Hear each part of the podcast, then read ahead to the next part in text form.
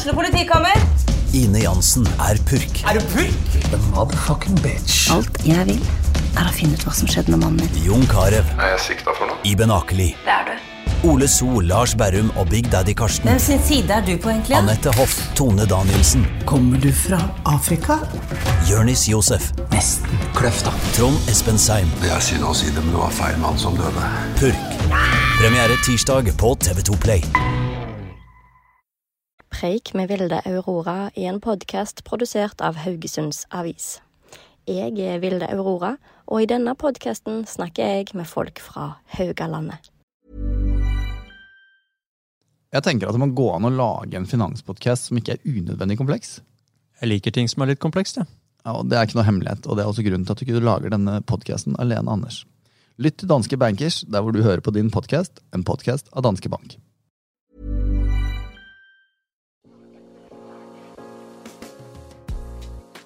Jeg tror jo det at hvis du gjør ting som ikke motiverer deg, så vil, så vil du ikke gjøre en god jobb over tid heller.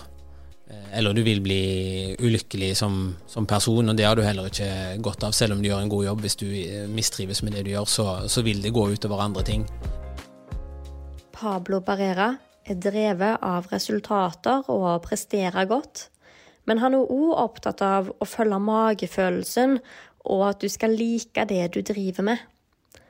Nå skal du få råd av en mann som har rukket å gjøre mye på sine 36 år. Preik med Vilde Aurora.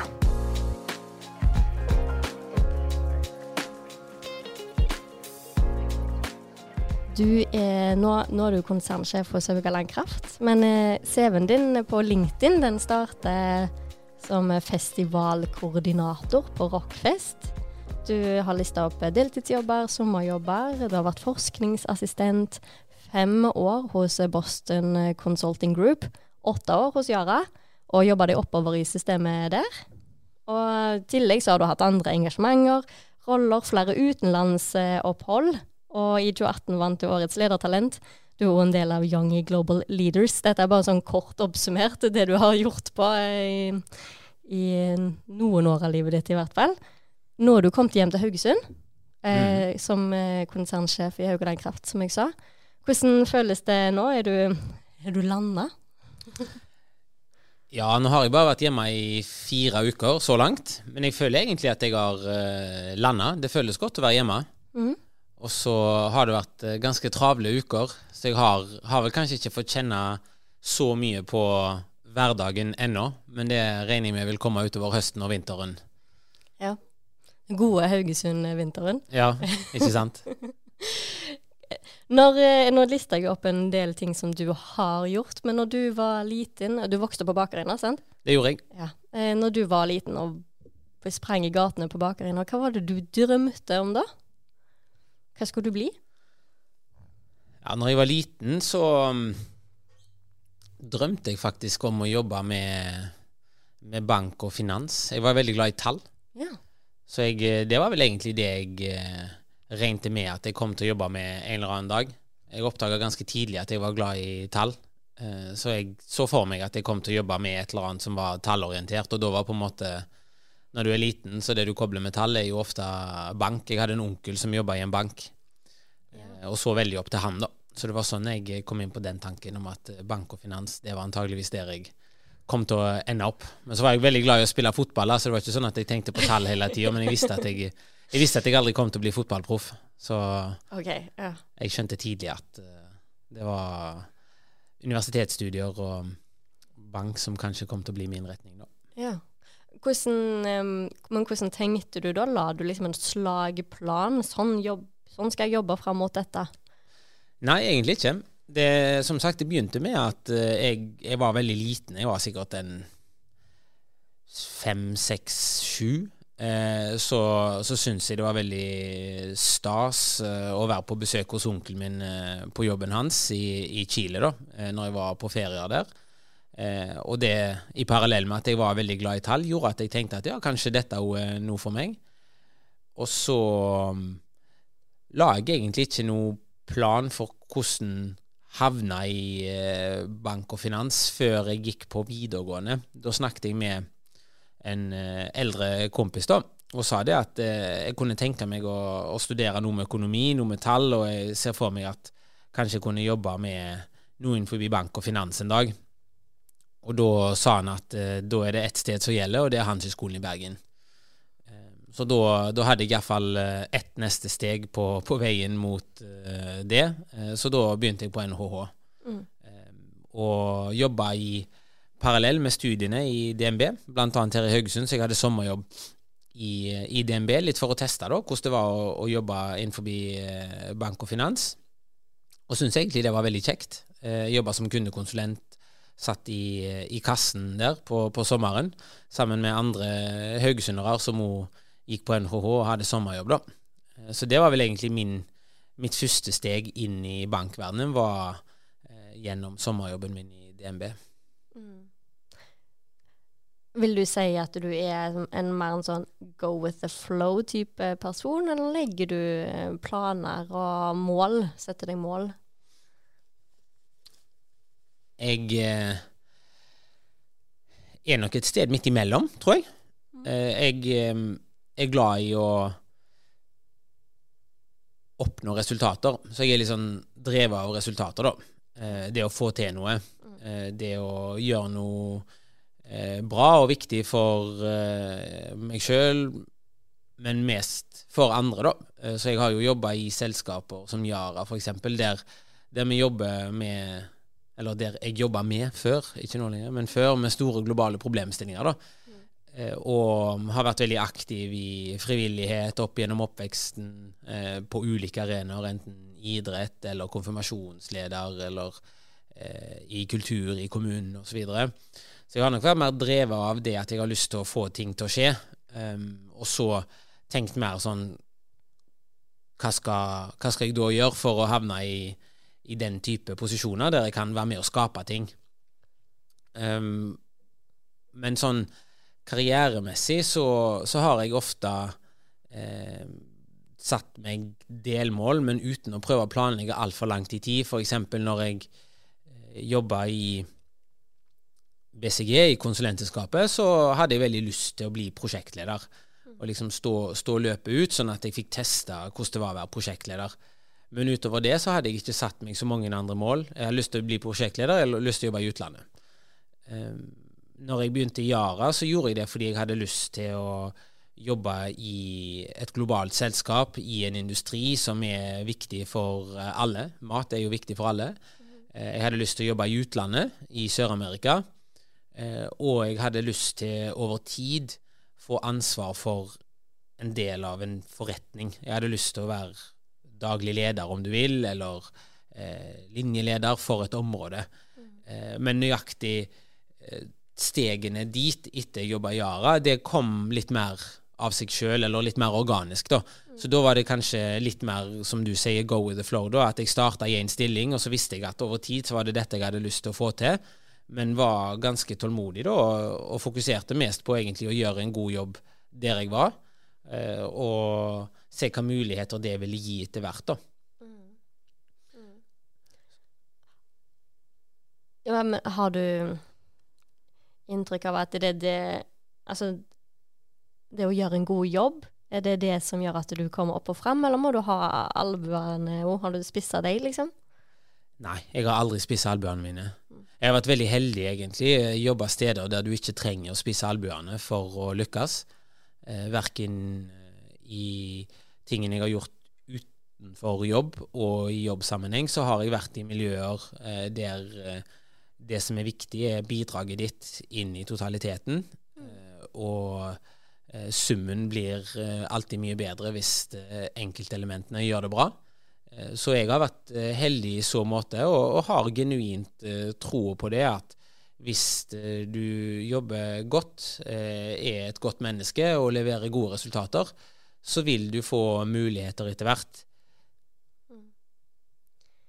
Du, du nevnte jo nå i stad flere ting du har gjort eh, eh, håper jeg utafor eh, som en sånn frivillig.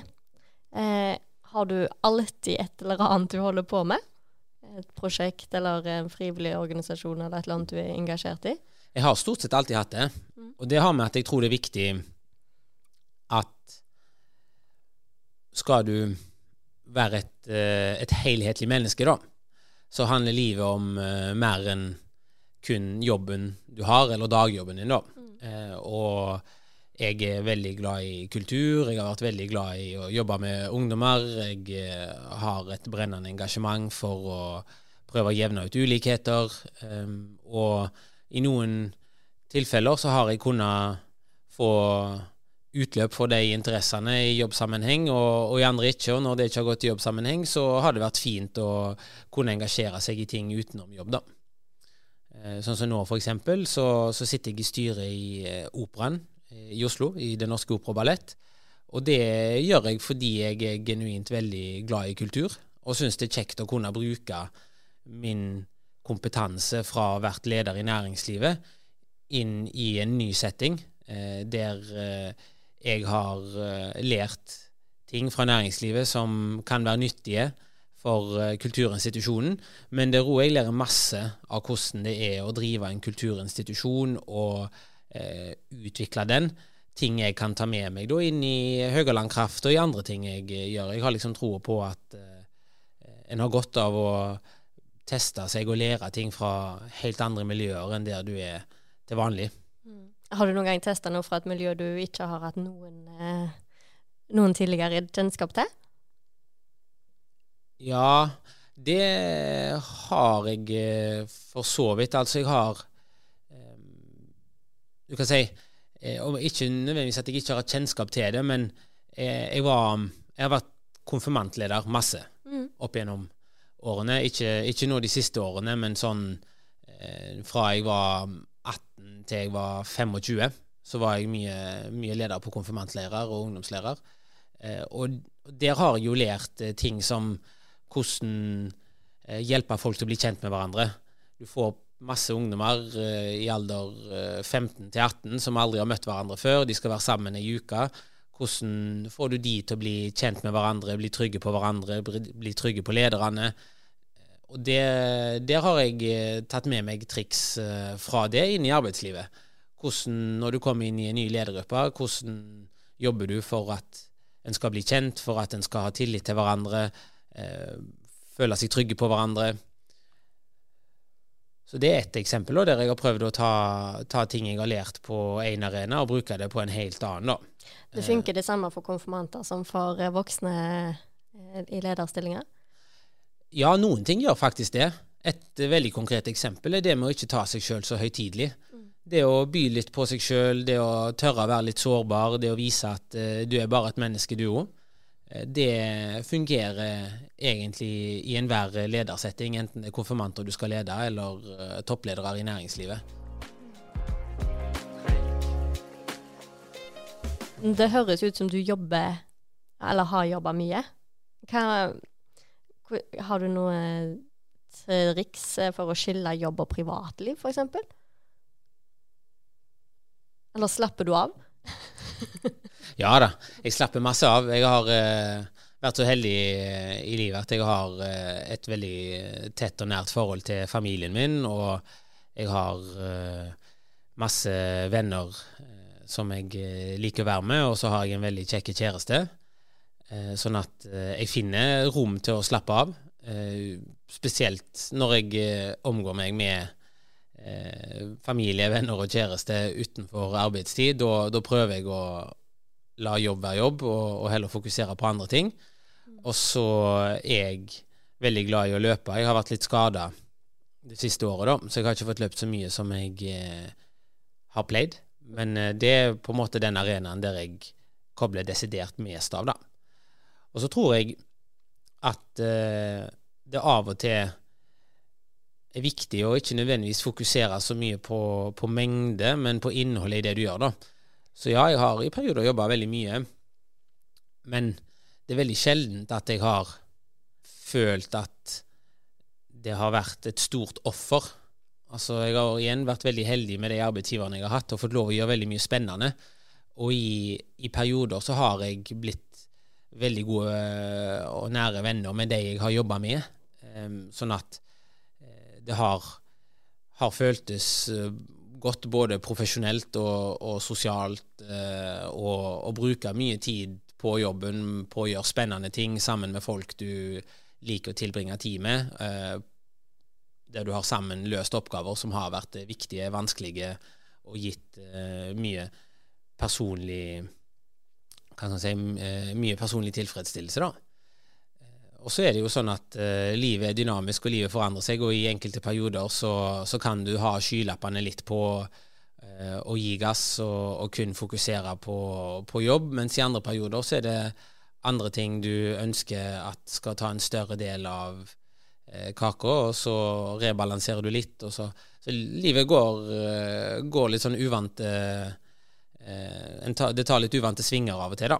Um, så jeg har ofte fått det spørsmålet sånn Ja, du har jobba mye. Ja, det, det, er helt riktig. Jeg har jobba masse, og, og, jobber fortsatt mye. Men jeg har egentlig gjennomgående trivdes veldig godt med det.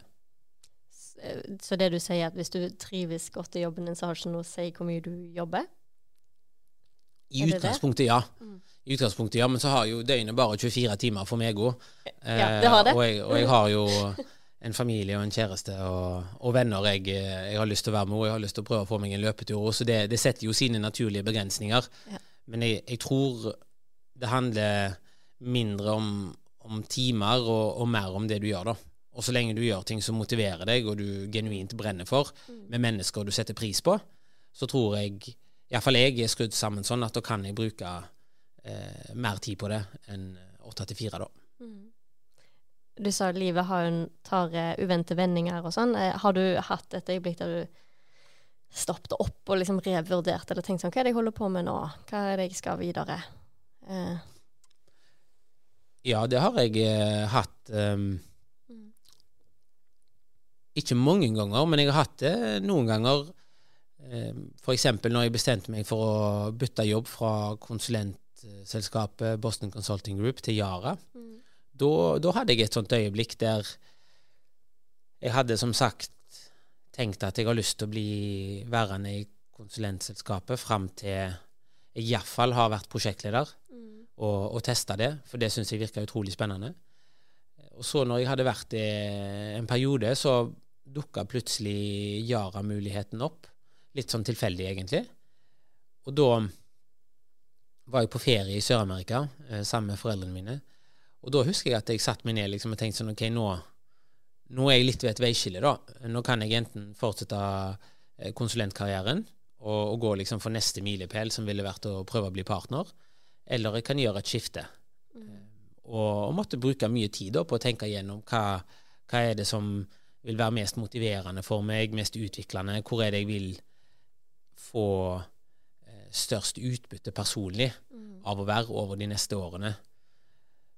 Og tilsvarende når jeg um, fikk muligheten nå til å ta den jobben jeg nå har, så var jeg god i en sånn eh, i et sånt hjørne da, der jeg eh, tenkte litt over framtida og, og, hva jeg hadde lyst til å, å bruke tida mi på, hva type leder jeg har lyst til å være, eh, hva type utfordringer jeg har lyst til å gripe fatt i. Så jeg har, jeg har vært i noen sånne perioder i veldig fokusert på okay, hva, hvor, hvor, er det jeg vil videre. Ikke veldig mange ganger, men, men, noen. Og dette er vel kanskje de to sånn sett viktigste veivalgene jeg har tatt så langt, da, mm. vil jeg si. Mm. Hva er det som driver deg eh, da, når du skal ta valgene? Ja, da er det mm, Hva tror jeg jeg brenner mest for? Hvor føler jeg at jeg vil trives? Hvor uh, tror jeg at jeg kan bidra mest? Altså hvor kan jeg eh, gi noe tilbake? Det er ikke bare det du skal få, sant? du skal jo òg evne å bidra med noe eh, tilbake. og hvor, hvor tror jeg at jeg vil lykkes over tid, da. Mm. Så jeg er jo opptatt av det at som sagt, jeg har jo lyst til å levere resultater. Så det skal både være motiverende, spennende, det skal være bra folk, og jeg skal føle at jeg kan gi noe tilbake og lykkes da, i det jeg gjør. Hvis du kunne møtt deg sjøl eh, for eh, ti år siden du er, den, altså, du er, den, du er i dag, med alt du kan i og vet i dag, og så går du tilbake i tid og møter deg sjøl. Hva ville du ha sagt, eller hva råd ville du ha gitt deg sjøl da? Jeg tror hvis jeg skulle gitt meg sjøl ett råd, så ville det kanskje vært å um, senke skuldrene et lite knepp. Hvis jeg skulle gitt meg sjøl ett råd. Ja. Hvorfor det? Av og til når, når en er litt sånn inne i bobla, da. Når du er veldig fokusert, du, du gjør ting du brenner for, eh, du, du, føler at du har mestring, og, og ting går bra, eh, så kan du eh, bli eh, veldig oppslukt i det du gjør eh, der og da, du kan litt sånn ubevisst legge et ganske tungt press på deg sjøl på å levere og på alltid liksom være ett skritt foran, alt skal være 110% hele veien. Og det å stole litt mer på magefølelsen tidligere, og senke skuldrene litt, og ikke eh, Ikke være så Hva skal en si eh, litt, litt, mindre, litt mindre redd for å ikke levere, og litt mer eh, troa på egne evner og, og magefølelsen. Mm. Eh, det tror jeg er et råd jeg ville gitt til meg sjøl, da. Gitt det til andre òg? Eh, definitivt. Jeg tror det er mye Jeg tror det er mye lærdom eh, i de første årene når du jobber i det å bli trygg på seg sjøl, og det å stole på magefølelsen rundt når, når er det bra. Jeg tror vi er jo litt ulikt skrudd sammen der, men jeg, jeg, er jo en som gjerne kunne kontrollregne tre-fire ganger eh, på en eksamen, da, bare for å være helt sikker på at det var riktig. Ja. Mm. Mens eh, jeg hadde venner som bare regnet igjennom én gang, og stolte på at det var riktig, da. Og selv om jeg innerst inne visste at antageligvis var det riktig, eh, så var det det med å ta den ekstra sjekken, da. Én og to ganger, og av og til tre. Eh, og Satt noen ganger alltid hele veien ut på eksamen? Stort sett. Ja. Stort sett så satt jeg alltid hele veien ut. eh, og leste gjennom alt en ekstra gang, og, og som sagt kontrollregna hvis det var kvantitative fag, da. Mm.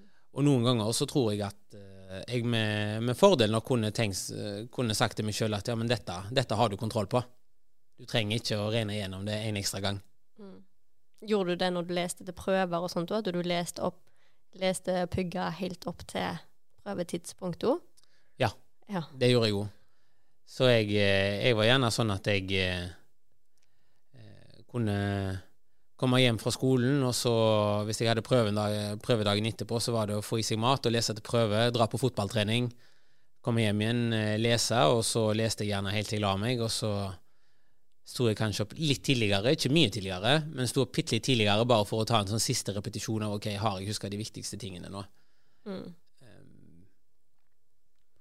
Kanskje, kanskje, det ikke var nødvendig å, å, stå opp det kvarteret før bare for å ta den siste repetisjonen. Det, det vil jeg jo aldri få vite. Men, eh, men i løpet av uh, livet jeg har levd så langt, så tror jeg at innimellom så, så kunne jeg kanskje latt være da, å stå opp det kvarteret før, eller å nilese helt til jeg sovner. Ja. Men det med å, liksom, å, å prestere og få ting til 100% det er jo ikke um jeg, det er nok ikke bare du som kjenner på det. Eh, vi har jo det vi kaller for generasjon prestasjon òg. Det er mange som vil være best og ta lange, vanskelige studier, og i tillegg være den beste vennen, den beste kjæresten, ha et interessant liv på sosiale medier. Er, det, er dette ting du kjenner deg igjen i, eller? Eller tror du det bare er de som er 15 år yngre? Nei da. Jeg um jeg kjenner meg kanskje inn i deler av det. Når jeg var 15, så var jo sosiale medier var ikke noe vi brukte noe tid på. Det fantes vel knapt nok mm. når jeg var, var, 15 for 21 år siden. Sånn at jeg har veldig stor forståelse for den prestasjonsklemma tidsklemma ungdommer i dag eh, føler. Jeg føler meg egentlig ganske privilegert som, som, vokste opp i en tid der sosiale medier eh, var ikke-eksisterende. Mm. Eh, der eh, fokuset var på venner, fotball, eh, kulturarrangementer, eh, konfirmantundervisning altså, Det var mye mer fokus på det du gjorde i levende livet sammen med andre mennesker, da, i tillegg til skole. Mm. Mens nå er jo veldig mye av hverdagen vår fokusert på digitale flater, og, og mange lever jo livet sitt litt gjennom eh, den de er på digitale flater.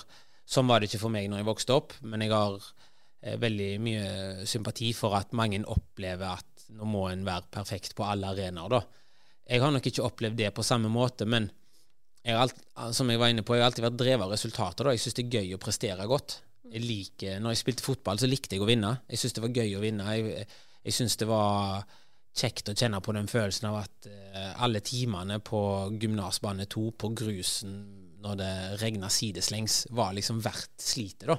Mm. Tilsvarende når jeg eh, studerte, det å, det å få gode resultater uh, som en konsekvens av det harde arbeidet du har lagt ned, da, var, var, noe jeg likte. Så er det sånn at igjen, som jeg var inne på, døgnet har 24 timer, og, og livet har eh, mange forskjellige vendinger. Så innimellom så er det kanskje sånn at du ikke kan være på topp eh, på alle arenaer hele tida. Noen ganger må du prioritere hardt, og det har jeg eh, opplevd eh, flere perioder i livet, at eh, du må ta tøffe prioriteringer. Da. Jeg pleier å si at eh, når jeg prioriterer tida mi, da, så, så, pleier jeg å se på ting langs to dimensjoner. Du har det som haster, og det som er viktig. Og så kan det være viktig privat, eller det kan være viktig jobb, eller det kan være ulike grunner til at noe er viktig, da. Ehm, men stort sett så er det jo sånn i livet at vi prioriterer det som haster enten det er viktig eller ei. Ja. Hvis du tenker på innboksen din, så har vi en tendens til å begynne på toppen av e-postene, og så jobber vi oss nedover. Men det er nok ikke alltid riktig. Det vi burde fokusere på, er jo det som er viktig. Det er det som vi burde fokusere på, enten det som er viktig å haste, eller det som er viktig som ikke haster nå, men som er viktig over tid. Og jeg fikk en gang et råd eh, fra en kollega som sa at det som du må passe på når du jobber, er at du ikke For det første så må du prøve å nedprioritere de tingene som haster, men som ikke er viktige. Der må du tørre å, litt som jeg var inne på, senke skuldrene litt. Stole litt på magefølelsen sin og si at ok, men dette kan faktisk vente til neste uke. Eller dette er kanskje noe som noen andre burde ta seg av. Ja. Og så har du det som haster og er viktig, det må du som regel prioritere her og nå. Sant? Det kan være eh, ting fra sjefen din, det kan være en tidsfrist du har i morgen, eller eh, en eksamen du skal levere inn. Eh, men så har du de tingene som er viktige, som kanskje ikke haster her og nå, som er mer definerende for den du blir over tid, eh, den eh, jobben du kanskje får litt lenger fram i tid. Sant? For det er de tingene som er viktige, men som ikke nødvendigvis brenner nå. Det kan være eh, så enkelt som å eh, f.eks. Uh, lese ei spennende bok som du har tenkt at denne boka har jeg hatt lyst til å lese, fordi her kan jeg lære noe som jeg tror kan være bra for meg og den personen jeg har lyst til å være over tid. Det kan være å ta en kaffe med noen som du har tenkt at åh, jeg skulle gjerne møtt den personen og bare lært litt av erfaringene de har hatt på det og det, fordi jeg sitter og sliter med de samme problemstillingene. Eh, det kan være eh, å eh, f.eks. ta seg helt fri i tre uker og reise til et sted du har hatt lyst til å reise til lenge. Jeg møtte en gang en toppleder som tok seg fri fire måneder med familien. Helt fri, da. Han var toppsjef i et selskap og tok seg he absolutt helt fri og var tilgjengelig to timer i uka, og kun det. Eh, og da på de to timene så måtte en ta det som var desidert viktigst med han, fordi utover det så ville han ikke være tilgjengelig. Og Nå sier ikke jeg at alle kan gjøre det, men, men det, det, sa han når jeg snakket med han, at var det viktigste han hadde gjort i livet. da. Eh, både på personlig og profesjonelt. Det var å ta den timeouten og eh, skape det rommet for seg sjøl til å reflektere, eh, til å være eh, sammen med de han var glad i, eh, og, og til å utvikle seg som person. Og det er nok noe som for han var veldig viktig, men hasta på en måte ikke. Det var ikke sånn at det var en deadline eller noe som måtte skje i morgen, men han klarte å prioritere det, og er en mye bedre leder, og antageligvis et bedre menneske i dag pga. det. Så det, det, var et sånt råd jeg fikk, som jeg prøver å tenke på innimellom, da, at er det, ting som er viktig for meg, enten profesjonelt eller privat, eh, som jeg tror at vil være med å utvikle meg og definere litt hvordan jeg blir, kan bli et bedre menneske, da, eh, så, så, må en ikke glemme, glemme dem og, og, prøve å få det inn i prioritetslista, da. Den kjente jeg litt i magen. Eh, hvordan syns du det er å leve opp til det? For jeg kjenner sjøl at jeg er, er ikke så flink Kanskje mest flink til å gjøre de tingene jeg føler jeg må gjøre. Mm. At jeg ikke er så flink til å prioritere. Hvordan syns du det har vært å leve med denne tanken? Altså Det er jo noe som har utvikla seg over tid. da. Ja. I starten så var jeg ikke veldig flink til det. Men etter hvert som du Hvis jeg setter meg inn i en jobbkontekst, da. Mm. Etter hvert som du blir eh, leder for stadig større virksomheter eh, og må ta eh, flere beslutninger, eh, håndtere mer kompleksitet, mer vanskelige spørsmål og sånt, eh, så kommer du til et punkt der, der du må, rett og slett. Fordi det, det er ikke tid til alt. Så du må, du må, evne å si OK, men denne beslutningen kan noen andre ta. Uh, dette er ikke en beslutning jeg nødvendigvis må ta. Eller denne oppgaven er, er det noen andre som kan løse. Um, så det, det, er nok noe du utvikler over tid, men selvfølgelig eh, det som det som haster, det, må du det som haster og viktig, det må du stort sett alltid prioritere. da. Det, og noen ganger så er det så mye på den lista at alt annet må vike. Men veldig ofte, hvis en er litt streng med seg sjøl, så gjør en ting som haster, men som ikke er viktig. Så, så det er kanskje mitt oppsummerte råd. Det er tørre å stole på magefølelsen din. Eh, og i perioder, hvis det er sånn at det røyner på fra alle kanter, eh, tør å spørre deg sjøl Ja, dette haster, men, men er det viktig nå? Kan det vente en dag? Kan det vente ei uke? Er det, noen, er det noen andre som kanskje er bedre egna for, for, å gjøre dette enn meg? Eh, hvis du er leder, kan jeg delegere det? Mm. Eh, ja, hvis du er ung og går på skolen og har 18 innleveringer, sånn, så er det kanskje ikke så lett å delegere det bort?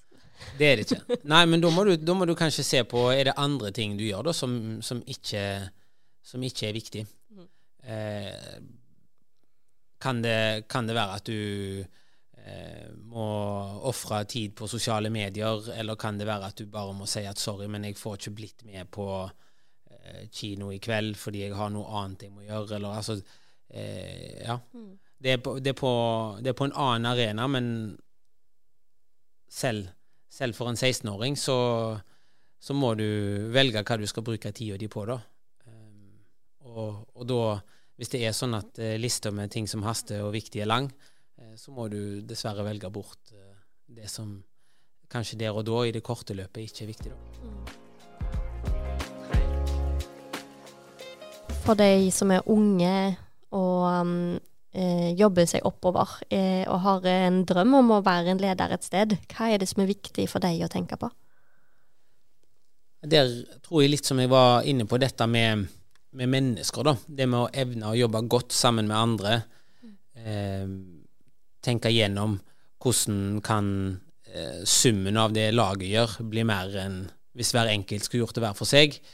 Eh, viktig. Så er mitt råd til unge folk som har lyst til å bli leder en dag, er å sette seg sjøl i situasjoner der du kan én, jobbe sammen med andre, og to, få muligheten til å lede andre.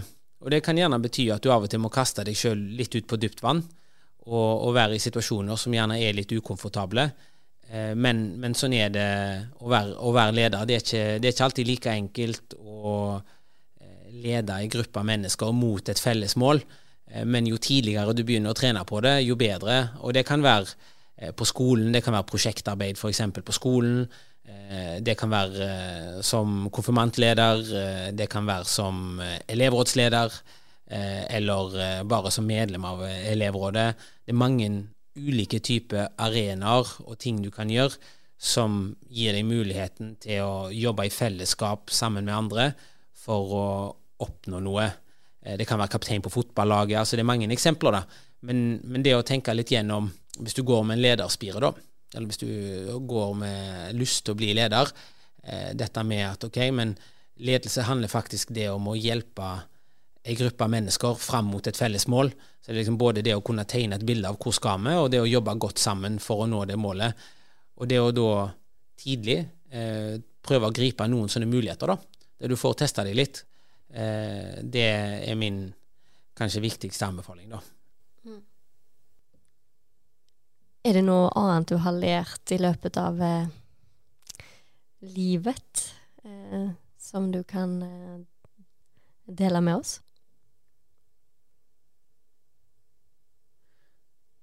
Det å mm, stole på andre og ha tillit til andre, det å finne gode måter å jobbe sammen med andre på, eh, vil stort sett alltid være en veldig god investering. Når du har vanskelige oppgaver, eller når du, når du er i ei knipe, det å da ha etablert gode vennskap, gode relasjoner til kollegaer, eh, vite hvem du kan ringe til, det er viktig, da. Så det er én ting jeg har lært, det er at det å, det å ha tillit til menneskene rundt deg, og det å ha gode relasjoner til de som er viktige for deg, både privat og i jobb, eh, det vil du stort sett alltid komme godt ut av. Det er en investering som alltid vil eh, lønne seg. Det er én ting jeg har lært. Eh, en annen ting jeg har lært, som jeg var litt inne på tidligere, er at det er fryktelig vanskelig å detaljplanlegge hvordan livet skal bli. Jeg tror du må sette deg ut noen sånn litt overordna målsettinger, og så må du tenke sånn eh, hva, hva, kan være eh, de første stegene på veien mot det? Eh, og så må du bare passe på at eh, du, du, velger ting som motiverer deg. For jeg tror jo det at hvis du gjør ting som ikke motiverer deg, så vil, så vil du ikke gjøre en god jobb over tid heller. Eh, eller du vil bli ulykkelig som, som, person, og det har du heller ikke godt av, selv om du gjør en god jobb. Hvis du eh, mistrives med det du gjør, så, så vil det gå utover andre ting, kanskje privat f.eks. Så det å, det å, tenke litt, eh, litt lange linjer Hva er det ute i horisonten her jeg har lyst til å, å sikte mot? Og så prøve å tenke ut hva kan et steg nummer én og to være, og så ikke nødvendigvis detaljplanlegge alt imellom. Mm. Det er en annen ting jeg har lært. Det er jo kanskje de, de to viktigste tingene, egentlig. Ja. ja da har du sagt eh, eh ikke detaljplanlegge hele livet. Sett inn noen eh, startmål, skal du si. Og eh, prioritering. Stol på deg sjøl og magefølelsen, og stol på andre. Mm. Det er oppsummert? Ja. ja. Tusen takk for at du ville komme og snakke litt med meg, Pablo. Takk skal du ha.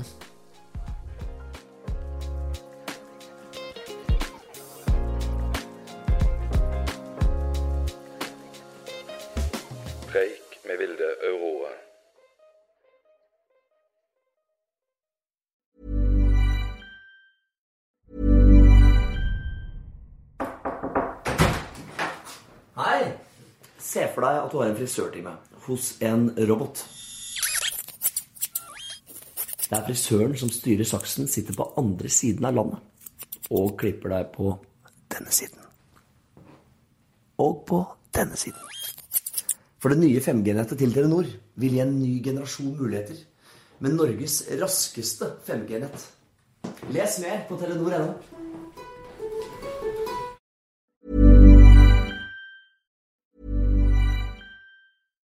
Jeg er Vilde Aurora, og du har akkurat hørt en episode av Preik, en podkast produsert av Haugesunds Avis.